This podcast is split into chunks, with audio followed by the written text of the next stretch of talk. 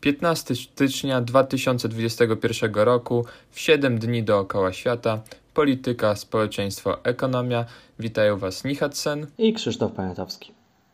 Witamy Was w kolejnym odcinku naszej serii w 7 dni dookoła świata i dziękujemy również za poświęcony czas, za to, że po prostu jesteście głodni wiedzy, że chcecie trochę poznać świata, wzbogacony o nasz komentarz, który oczywiście staramy się robić to obiektywnie, ale jednak pewnie już się domyśliliście po kilku odcinkach, jakie mamy spojrzenie na świat. Także co, nie przeciągając, przejdźmy do meritum dzisiejszego odcinka. Dzisiaj będzie standardowa kolejność, czyli w pierwszej kolejności USA, i tutaj będzie pewnie nikogo nie zaskoczę o tym, że po prostu chcą się pozbyć prezydenta Trumpa jak najszybciej. W 2021 roku no, Donald Trump musi ustąpić stanowiska e, fotelu prezydenta ze względu na to, że przegrał wybory. 20 stycznia jest oficjalne zaprzysiężenie nowego prezydenta elekta Joe Bidena. Mm, jednak demokraci chcą to zrobić jak najszybciej. Trochę powiem zaraz, czy to ma sens, czy nie, czy jest to jednak PR-owe zagranie, ale przytoczę parę faktów. 232 e, głosy były za, 197 przeciw, i właśnie w taki sposób rozłożyły się głosy e, kongresmenów w Izbie Reprezentantów za impeachmentem prezydenta Donalda Trumpa. Co to jest impeachment? Impeachment to jest takie mm, postawienie w stan oskarżenia, po polsku tłumacząc po prostu. Można to po części przetłumaczyć e, coś jak może wotum nieufności, mm, ponieważ to można zadać e, taki jakby zgłosić impeachment w sprawie e, polityka, mm, prezydenta, danego ministra mm, lub po prostu jakiegoś e, polityka, który jest mm, w Sejmie, no to, to ogólnie jest bardziej anglosaska tradycja parlamentarna, ale mówię, że to też ma takie przejście na przykład w Polsce jako wotum nieufności. E, prezydent Trump właśnie został postawiony w stan oskarżenia ze względu na to, że demokraci uważają, że prezydent Donald Trump mm, podburzał lud i te zamieszki na Kapitolu, które miały miejsce tydzień temu, e, były e, z jego winy. Na opcję, co prawda, to zagłosowało 10 republikanów, co jest też moim zdaniem szokujące. Mm, jest jakiś pewnie wewnętrzny podział, e, skoro republikanie nie stanęli za swoim byłym, byłym prezydentem, byłym taką twarzą republikanów. I tak w zasadzie los prezydenta spoczywa obecnie w rękach Senatu. Chciałbym tutaj powiedzieć kilka słów o tym, e, jak działa impeachment. E, procedura impeachmentu jest dość skomplikowana i raczej w 6 dni, a w zasadzie, bo to było chyba 13 albo 14, to załóżmy 6 dni od e, takiego właśnie mm, oskarżenia prezydenta Donalda Trumpa, jest formalnie niemożliwe. Niemożliwe, żeby do tego czasu y, on stracił te stanowisko, a za 6 dni wchodzi nowy prezydent. Także jedyna rzecz, jaką on może y, ponieść, to później y, oskarżenie, które zostało złożone. W sądzie może być jakiś wyrok, że w następnych wyborach, załóżmy, nie może wystartować. Jednak, mm, tak jak wspomniałem na samym początku, tu chodzi bardziej o zagranie PR-owe. Pokazanie, że demokraci wchodzą z pełnego buta, z pełnej pary y, w rządy czteroletnie, które zakończą się w 2024 roku, kiedy będą kolejne wybory. I Donald Trump, jeśli nawet nie będzie mógł zostać tym prezydentem ponownie, bo nie będzie mógł startować, to na pewno ze swoimi zwolennikami, z tą twarzą republikanów, y, kogoś mm, wydeleguje, albo po prostu będzie takim autorytetem, że będzie dany republikanin prosił o jego wsparcie. Nie wiem, Krzysiek, jak ty myślisz o tym całym, całej tej sytuacji? Moim zdaniem to jest bardzo mocno PR-owe zagranie, jeśli chodzi o y, stronę republikanów, przepraszam, demokratów. Dokładnie, to jest mega PR-owe zagranie. Mm, zresztą, jeśli chodzi o same procedury, nie ma możliwości, by tym przed przyszłym zaprzysiężeniem doszło do tego impeachmentu, więc no niestety, no to widzimy taką zagranie polityczną, trochę zrzucenie na Trumpa winy. E, co ciekawe, dzisiaj widziałem fajne zestawienie, trochę może uciekając od, mm, od tego, tego tematu akurat związanego z tym, co się obecnie dzieje, ale Trump jest jednym z niewielu prezydentów w ostatnich czasach w USA, który nie wypowiedział wojny, który się w wojnę nie angażował w różnych częściach świata, e, co nie można przedpowiedzieć o Obamie, który nawet dostał pokojową nagrodę Nobla, mm, co jest takim, można powiedzieć, trochę fenomenem. E, no cóż, PR, PR i jeszcze raz e, PR. Czy faktycznie Trump jest za to odpowiedzialny? No, rabini się wypowiedzieli, jeden powiedział tak, drugi powiedział nie. Jednak wydaje mi się, że wszyscy wiemy, że różnie możemy pewne fakty interpretować. Moim osobistym zdaniem no, nie możemy go do odpowiedzialności za to pociągać. Tutaj nawoliło wiele czynników, a samo wejście ludzi na Kapitol, to zresztą o czym mówiliśmy w zeszłym tygodniu, w ogóle nie powinno się wydarzyć. Służby powinny inaczej zareagować. E, takie jest moje zdanie w tym temacie. A jeśli już przejdziemy ze Stanów Zjednoczonych trochę w inną może stronę, e, to możemy się skupić na dwóch potęgach, może równoważnych, może rywalizujących ze Stanami Zjednoczonymi. E, pierwszą z tych potęg będzie Rosja, o której teraz powiem. E, co się dzieje? Moskwa coraz bardziej uniezależnia się od Stanów Zjednoczonych. Możemy pomyśleć sobie, w jaki sposób odwieczny wróg Stanów Zjednoczonych może się coraz bardziej uniezależniać. Już mówię. E, Władimir Putin w ciągu ostatnich lat przeprowadza politykę dedolaryzacji rosyjskiej gospodarki. Chodzi o to, że zakupuje złoto, zwiększa rezerwy złota, a dzięki wzrostu wartości złota, złota w ostatnim czasie, to, że to złoto e, przybiera trochę na wartości, ten pandemiczny kryzys trochę to wspomógł, e, no to się okazało, że po raz pierwszy w historii złoto, które w swoich rezerwach w aktywach posiada Rosja, jest większe niż wartość dolarów, co sprawia, że kraj ten się poniekąd, można powiedzieć, oduzależnia. Może Cię pytać, o co chodzi w ogóle z tymi rezerwami, co one dają, dlaczego w ogóle Rosja posiada jakieś e, aktywa w dolarach. Chodzi o zachowanie trochę płynności w rynku. Oczywiście jest to również taki, można powiedzieć, strategiczny element, że jeśli posiadamy jakąś walutę, sprzedamy ją taniej, no to trochę jak z akcjami na giełdzie staramy się trochę tutaj manewrować walutami, e, manewrować wartością akcji, tak samo i na e, kursach walut.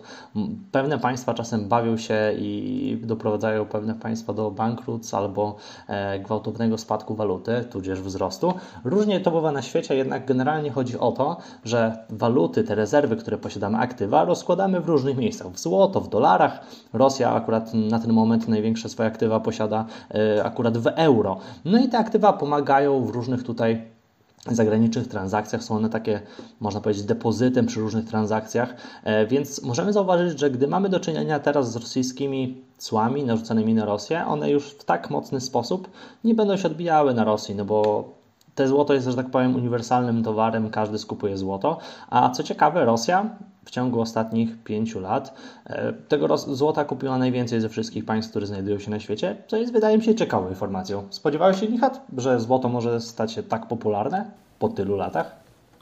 Um, szczerze mówiąc, ja zawsze mam taki sentyment do złota. Może jeszcze nie mam takiego kapitału, żeby w te złoto inwestować, y, lokować swoje, swój mm, taki majątek, y, żeby kupować to tak masowo, prawda? Jak chociażby pan Władimir Putin, ale myślałem, czekałem na ten moment, kiedy złoto wróci do tej łaski i ten rok pokazał, że jednak ludzie są w tym złocie jeszcze tak nie wiem, oczarowani, czy po prostu wierzą w to, że złoto, mimo wielu, wielu lat mm, tego kruszca, że on stanowi potęgę pewnych państw, potęgę pewnych przedsiębiorstw, dzisiaj wraca do łask i inne kruszce również wracają do łask albo wręcz stają się popularne.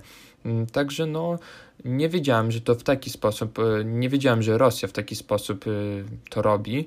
E, to też pokazuje w pewien sposób, na ile wart jest pieniądz jako waluta. To prawda, złoto jest uniwersalne, złoto jest kupowane, posiada dobre właściwości. Zresztą można o nich przeczytać wiele ciekawych artykułów, w jaki sposób zachowuje się złoto, jak jest zdatne, że tak naprawdę nie wpływa na nie czas i ono tą wartość pozostaje. I wiele państw te rezerwy złota wykorzystuje dalej do budowania e, silnego państwa. Jeszcze do niedawna, nie wiem jak teraz sytuacja wygląda, musiałbym doczytać, jak wygląda sprawa polskiego złota, bo przez pewien czas ono było na Wyspach Brytyjskich. Nie wiem, czy w końcu nas wróciło, czy nie, czy koszty nie były przypadkiem za duże. Mm, musiałbym się tu upewnić, ale taką ciekawostkę, taką nutkę niepewności zostawię u naszych słuchaczy. Może sami sprawdzicie i napiszecie w komentarzach, jak to z tym złotem polskim na ten moment to wygląda. Ale powiedziałem o trzech potęgach. Mamy Rosję, mamy Stany Zjednoczone, to czas powiedzieć o Chinach. Dzisiaj nie będzie o pandemii, dzisiaj powiemy dalej o tej rywalizacji, jeśli chodzi o Amerykę i Chiny. E, tutaj mamy rywalizację trochę na innym, można powiedzieć, e, płaszczyźnie, ponieważ amerykański urząd CEU i ochrony granic poinformował mm, w środę, jeśli się nie mylę, że USA zakazuje importu produktów bawełnianych i samej bawełny e, z Xinjiangu. Trochę śmiesznie brzmi, jakbym tą nazwę wymyślił, ale taka, e, taki region Chin naprawdę istnieje. E, dlaczego? Ponieważ Ameryka, ogólnie ten resort, mm, powiedział, że w tym akurat regionie ludzie, tutaj akurat Ujguru, Ujgurulczycy, jakby to tak odmienić, e, są przymuszani do pracy. Oczywiście Chińska Republika Ludowa, minister handlu Geo Feng powiedział, że no to nie jest prawdopodobne, bo to jest niezgodne z chińskim prawem, więc odrzucił te obostrzenia. Dla ciekawostki powiem, że Chiny na ten moment są obecnie największym emiterem na świat e, bawełny. Drugie miejsce ma Indie, trzecie miejsce mają Stany Zjednoczone. Nichat, co uważasz? Skąd ta decyzja? Myślisz, że faktycznie coś tam w Chinach się dzieje? I tutaj Stany starają się zablokować swoich potencjalnych rywali? E, myślę, że troszkę może coś się dziać. Mm, Chiny są o tyle ciężkim państwem, że tutaj przekaz informacji jest e, no, utrudniony ze względu na reżim komunistyczny i na to, jaki właśnie Chiny prowadzą politykę wewnętrzną. E, warto też sobie przypomnieć, chociażby już tak trochę odbiegając od tematu, gdzie były do, donosy, nagle w internecie było głośno o tym, jak pandemia e, zaczynała trwać, rozkręcała się w Chinach. Tam ludzi przyspawano drzwi mieszkań, ludzie ludzie nie mogli wychodzić. Także no, logika chińska pod względem takiego zatajania informacji jest raczej na wysokim poziomie. No, myślę, że coś tutaj śmierdzi, coś tutaj śmierdzi i jakieś interesy tych chińskich firm mogły, mogły być, yy, mogły te chińskie przedsiębiorstwa nawiązywać kontakty ze Stanami Zjednoczonymi. Zgadzam się z Tobą, zgadzam się z Tobą, bo do, tak naprawdę z Chinami no nie wiemy, co tak naprawdę jest, nigdy nic nie wiadomo i to trochę wynika z tego faktu, no zresztą popatrzmy, co się dzieje z Wuhan, z e, tą pandemią, przecież tam mieliśmy ognisko tego wirusa pierwsze na świecie, a my dalej w sumie nie wiemy, co tam tak naprawdę się zadziało. Mm, no i czy kiedyś się dowiemy? Prawdopodobnie może za 40-50 lat taka informacja gdzieś się pojawi. No jednak na ten moment nie wiemy, więc z jednej strony mamy USA, które trochę tonie. E, w ostatnim czasie przecież te Chiny umowę inwestycyjną podpisały z Unią Europejską w ostatnich tygodniach. W, pod koniec grudnia ubiegłego roku, e, więc widzimy tutaj, Chiny dobierają się do Europy, do kontrahentów USA, więc może taka mała odpowiedź ze strony USA. E, zostając w temacie mm, azjatyckim, Przytoczmy e, firmę japońską. E, nie wiem, czy to ona po angielsku się czyta, ale powiem Nidec Corp. Jest największą na świecie firmą, która dostarcza silniki elektryczne. Chce ona właśnie produkować silniki do elektrycznych aut Tesli. Twierdzi, że ten kluczowy właśnie element każdego pojazdu, jakim jest oczywiście silnik, jest w stanie produkować dużo taniej i nawet lepiej niż ktokolwiek inny na świecie. E, dodał również, e, dodała również ta firma, że bez pomocy firmy zewnętrznej Elon Musk praktycznie nie jest w stanie zrealizować planu e, produkcyjnych. I tutaj właśnie o jakie ceny, jakie cele produkcyjne chodzi. Według właśnie tych założeń firma Tesla do 2030 roku ma wyprodukować 20 milionów pojazdów elektrycznych rocznie. To, co już mówiliśmy kilka odcinków, to, co już poruszaliśmy nieraz, że tak naprawdę nie wiadomo, czy to jest bańka spekulacyjna w kwestii samochodów elektrycznych. Też Elon Musk na pewno się dostosowuje chociażby do jakiegoś prawa, które teraz jest narzucane w Unii Europejskiej. To, co się dzieje w Niemczech, tak? To, co ogólnie jest cały wydźwięk Unii Europejskiej, żeby być tacy eko, żeby odejść od plastiku, żeby odejść od tego i tamtego, żeby dążyć do tej neutralności klimatycznej, co jest teraz w ogóle bardzo popularne na świecie no pewnie ludzie niektórzy zarobią na tym solidne pieniądze, ale czy pojazdy elektryczne przejdą do codzienności, tak jak teraz e, patrzymy na ulicę i jak widzi jedzie, maluch, jedzie jakiś stary Mercedes, to czujemy ten sentyment, widzimy z tych filmów z lat, nie wiem, 70., e, a czy my za 70 lat będziemy patrzeć na takiego na przykład Nissana Qashqai'a z takim sentymentem? E, Dobre czy pytanie. on, czy, dokładnie, czy on nadal będzie produkowany Oczywiście w innym designie, może nawet pod, innym, pod inną nazwą taką. I czy te pojazdy elektryczne będą takim taką powszechnością?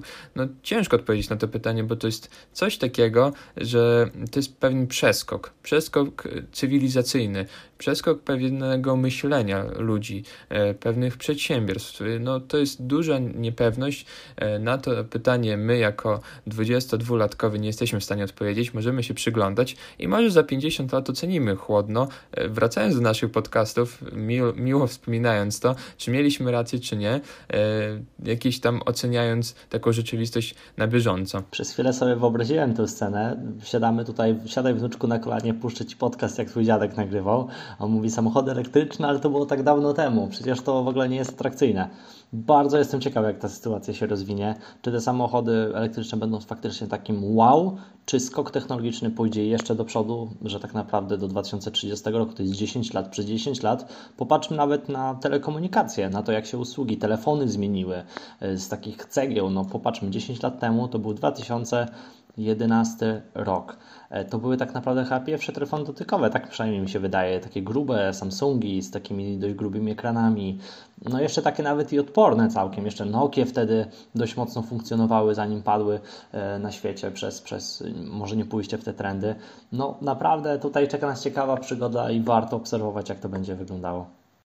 Ale zauważ też, Krzysiu, że ogólnie, jeśli chodzi o Japonię, to my ciągle jesteśmy w tematyce motoryzacji. Ciągle poruszamy te tematy, bo ciągle właśnie Japonia wiedzie ten prym tej elektryczności albo dążenia do tej neutralności klimatycznej. Dużo o tym jest. E, czy co prawda Japonia nie jest azjatyckim tygrysem.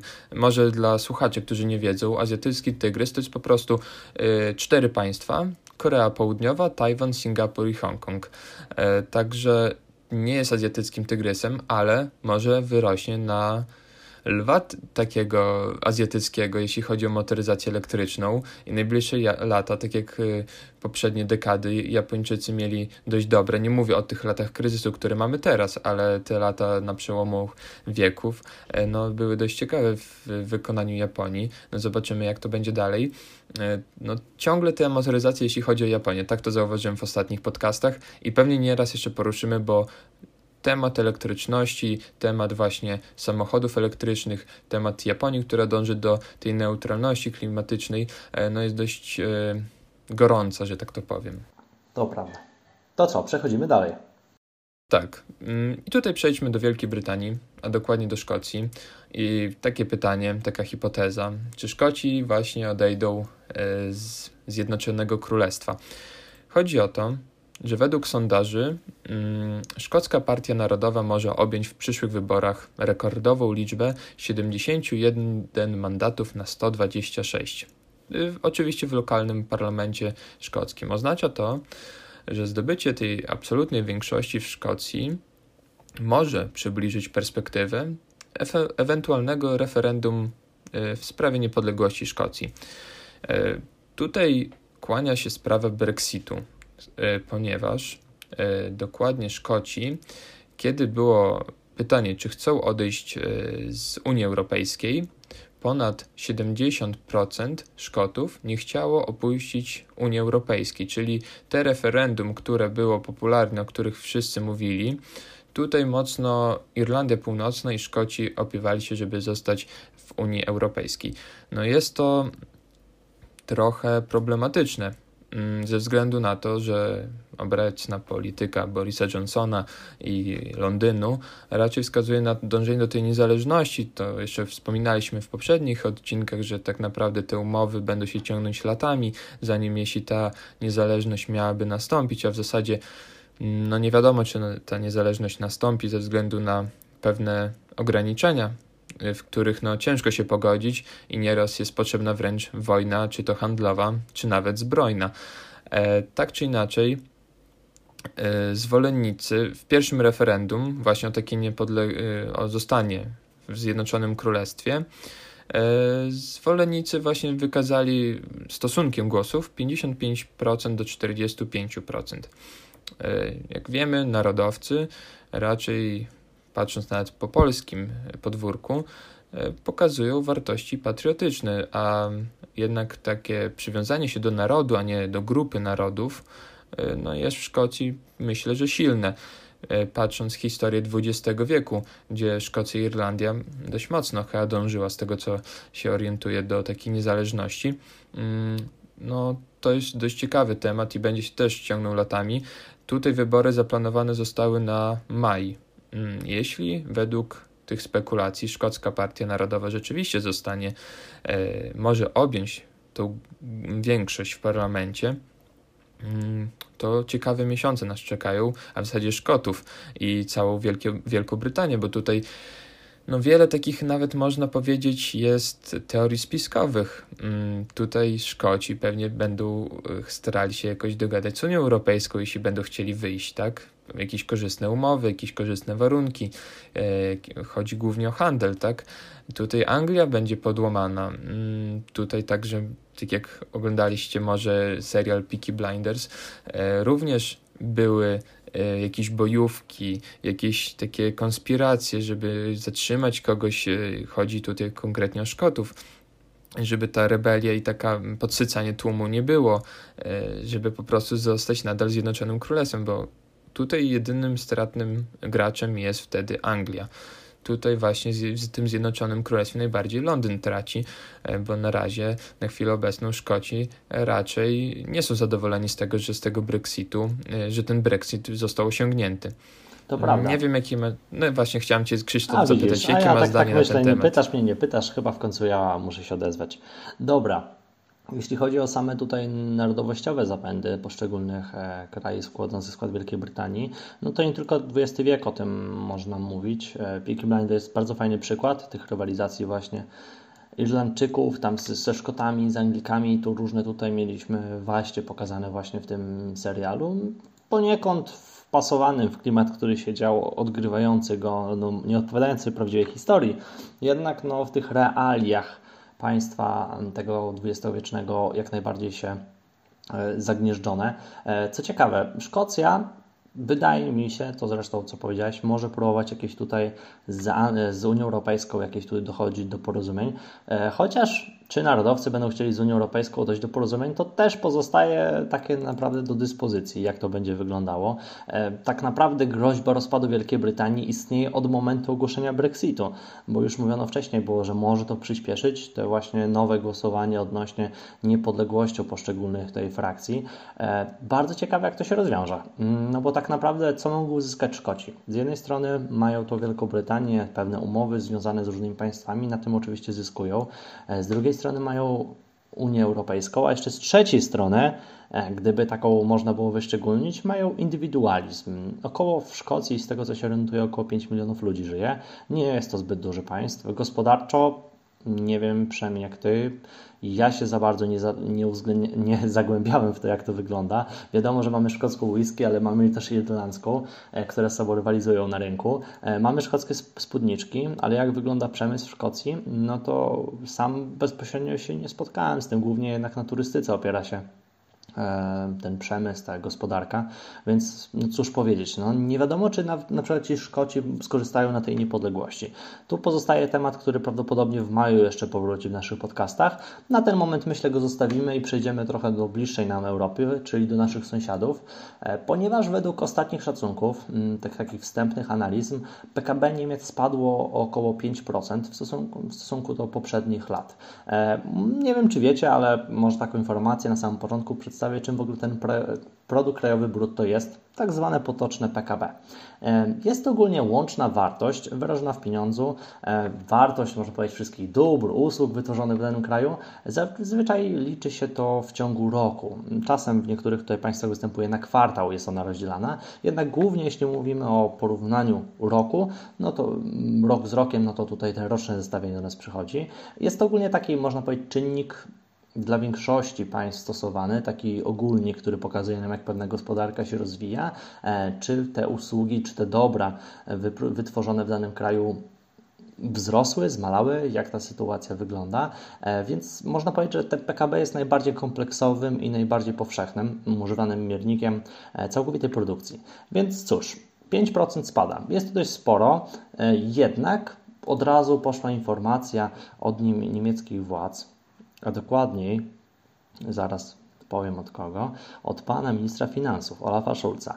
Zapewnił on, że mimo spadku o 5% tego PKB, e, budżet sprosta związany z pewnym wyzwaniem. Mm, co ciekawe, od razu, jeśli mówimy o tych różnych obawach, które mogą się z tym wiązać, powiedział, że rezerwa, którą przygotowali dla firm, te programy tarcze, tylko w różnych państwach inaczej się one nazywają, są przygotowane, jeszcze nie są w pełni wykorzystane. Część branży dobrze sobie poradziła z pandemią w Niemczech, więc na spokojnie podchodzi do tego, mówi, że żaden Niemiec, żadna Niemka nie zostaną zostawieni na lodzie, e, co powinno Niemców napawać optymizmem optymizmem, więc wydaje mi się, że na spokojnie tutaj wszystko będzie się fajnie rozgrywało.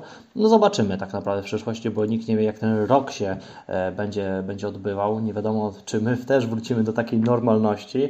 E, Michacie, czasem mówisz, spójrzmy w kulę, w kulę kryształową. Co widzisz w tej kuli? Wrócimy do normalności jakoś w tym roku? Nie wrócimy?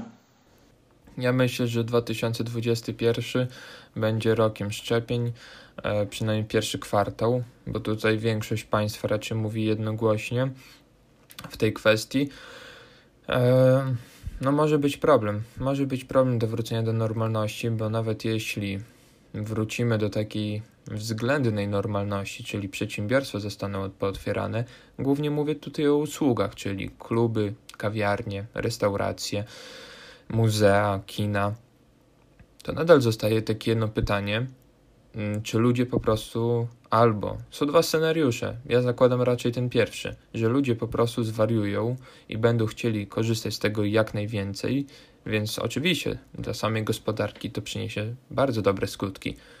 No drugi scenariusz jest taki, że jednak ludzie będą się bali. Pomijam już trzeci scenariusz, o którym już wspominaliśmy, chociażby Francja jakie ma pomysły, pasz, paszport szczepień. E, no tą, tą sytuację wykluczam w ogóle. Mam nadzieję, że jednak e, mam nadzieję jednak, że ta sprawa ze szczepionkami z tym rokiem się unormuje do takiej chociaż przynajmniej względnej normalności, czyli do tego, żeby po prostu ludzie byli normalnie funkcjonowali i żeby inni nie tracili pracy, no bo to jest po prostu bardzo przykre, kiedy ludzie dookoła się zamykają, przedsiębiorstwa upadają i muszą iść z torbami nieraz na ulicę. To prawda, to prawda. Miejmy nadzieję, że wszystko wróci do normalności. Wrócimy chwilę tylko jeszcze do tego paszportu szczepień. No fajnie wspomniałeś, że tu Francja jako pierwsza rzuciła ten model, ale nie wiem, czy zauważycie, drodzy słuchacze, że ostatnio w mediach polskich również się pojawia, no, że jest taka sytuacja, że możliwe, że szczepionki będą gwarantem tego, że będziemy mogli wychodzić z domu, a bez tego ani rusz. Więc zobaczymy, jak to będzie. I zostaniemy jeszcze tutaj na tym zachodzie, bo przejdziemy po prostu przez granicę, przejdziemy do Francji. O co chodzi? Z Francją związana jest informacja w sumie powiązana z Niemcami, z szefem Rady Europejskiej. E, co ciekawe, te trzy, tak można powiedzieć, organy znalazły się w olbrzymim ogniu krytyki, jeśli chodzi o sposób, w jakim pod koniec 2020 roku, o czym zresztą mówiłem na początku tego nagrania, ogłoszono podpisanie umowy inwestycyjnej z Chinami. E, co ciekawe, tym dwóm olbrzymim podmiotom mm, w Unii Europejskiej, Francji i Niemcom, zarzuca się, że rozbijają jedność Unii. No bo trochę za plecami mm, kanclerz Niemiec Angela Merkel oraz prezydent Francji Emmanuel Macron y, spotkali się mm, z przywódcą Chin e, Xi Jinpingiem porozmawiać, no takie są wiadomo domysły, że może coś chcieli sobie wynegocjować lepszego, że może te programy inwestycyjne bardziej będą realizowane właśnie w, tych, w tej zachodniej Europie u tych dwóch państw. E, no nie wiadomo. Wiadomo, że Polska przyłączyła się do krytyki, Francja, Fra, e, przepraszam, Hiszpania oraz Belgia. E, te państwa no, wyraziły się i wydaje mi się, przynajmniej z tego co znalazłem informację, że może na ten temat być poprowadzony szczyt Unii Europejskiej w najbliższym czasie, noworoczny. Hmm, czy w tym, czy w następnym miesiącu, niestety nie wiem. Jednak jakoś tutaj wydaje mi się, że Również i Włochy e, opowiedziały się za tym, że no, trzeba jakieś konsekwencje wyciągnąć i trzeba jakoś tutaj w rozmowy wejść. Mm, no cóż, każdy orze jak może, jak to się mówi, jednak no najlepiej jak oramy my, tak patrząc, parafrazując. No ale cóż, tutaj część państw wspólnoty czuje się trochę zaniedbana przez Niemcy i Francję. No, trochę się im nie dziwię. Jednak na szybko zostało to podpisane. Może to jakieś naciski ze strony Chin były, o tym jeszcze się nie dowiemy, no ale zobaczymy, jak to będzie wyglądało w przyszłości. I tak jak e, Krzysiek wspomniał, zostały Włochy na sam koniec. Tutaj będzie również o sytuacji covidowej, no dość, dość poważnej, przynajmniej takie są zapowiedzi szefa resortu zdrowia. Chodzi o obostrzenia związane z walką COVID-19. Mogą utrzymać się do końca kwietnia nawet. Mm, utrzymanie zostanie, utrzymany zostanie zakaz przemieszczania się po kraju bez uzasadnionej potrzeby. E, no wiadomo, ta nieuzasadniona potrzeba, no, w naszym kraju wystarczy popatrzeć, jak to działa. Nie wiem, jak we Włoszech jest to egzekwowane. Prawo da się obejść, jak to widać właśnie po naszych polskich przedsiębiorcach, po naszych polskich obywatelach i tak dalej, i tak. No tutaj chodzi też również o to, że pojawi się zakaz sprzedaży na wynos po godzinie 18, a we Włoszech w 12 na, przepraszam, z 12 na 20 regionów y, tych ryzyko zakażeń po prostu określili mianem wysokiego. Mm, no ciągle tutaj wraca temat Włoch, jeśli chodzi o COVID, tutaj ciągle wraca temat także szczepień, ograniczeń, godziny policyjnej. No mnie najbardziej szczerze dotknęło e, zakaz e, tej sprzedaży po godzinie 18. Z drugiej strony mnie ciekawi, jak przedsiębiorcy się zachowają e, włoscy, e, ponieważ w Polsce no jest dużo przypadków, że można w sprytny sposób nie do końca oczywiście polecam to, ale właśnie tak jak Krzysiek powiedział, każdy orzek może. Chodzi o to obejście pewnych przepisów. Chodzi też o być albo nie być, bo to, to nie jest coś takiego, że ktoś chce zarabiać, żeby być olbrzymie bogaty. Tu chodzi o to, żeby po prostu zarobić, żeby mieć co włożyć do garnka. E, no szczególnie branża gastronomiczna, jeśli chodzi o garnki. A nawet czyjegoś garnka, żeby kogoś nakarmić. Dokładnie, no to jest naprawdę tak mm, ciekawy temat, jeśli chodzi o y, kreatywność przedsiębiorców. No nie wiem, jak to we Włoszech jest. Mam nadzieję, że przygotuję się na następny odcinek bardziej i wtedy może trochę opowiem o pewnych przepisach, jak to obejść, jak to, jak to robią włoscy Ale przedsiębiorcy. Nie wiem, czy odcinek nie zleci z Facebooka, jak ty takie fakty nam przedstawisz. Panie Marku Zuckerberg, przepraszam cię, jeśli usłyszałeś to. Miejmy e, nadzieję, że Dobra. Nie. Cóż, to już dzisiejszy odcinek dobiega końca. E, macie w pigułce takiej 30-minutowej od nas e, informacji z komentarzem. Mam nadzieję, że się podobało. E, cóż, Krzysztof, do zobaczenia chyba za tydzień, prawda? Dokładnie. Trzymajcie się dużo zdrówka w tych ciężkich czasach styczniowych. No i mróz chyba się zbliża. Ubierzcie się cieplutko, słuchając naszego nagrania. Siemaneczko.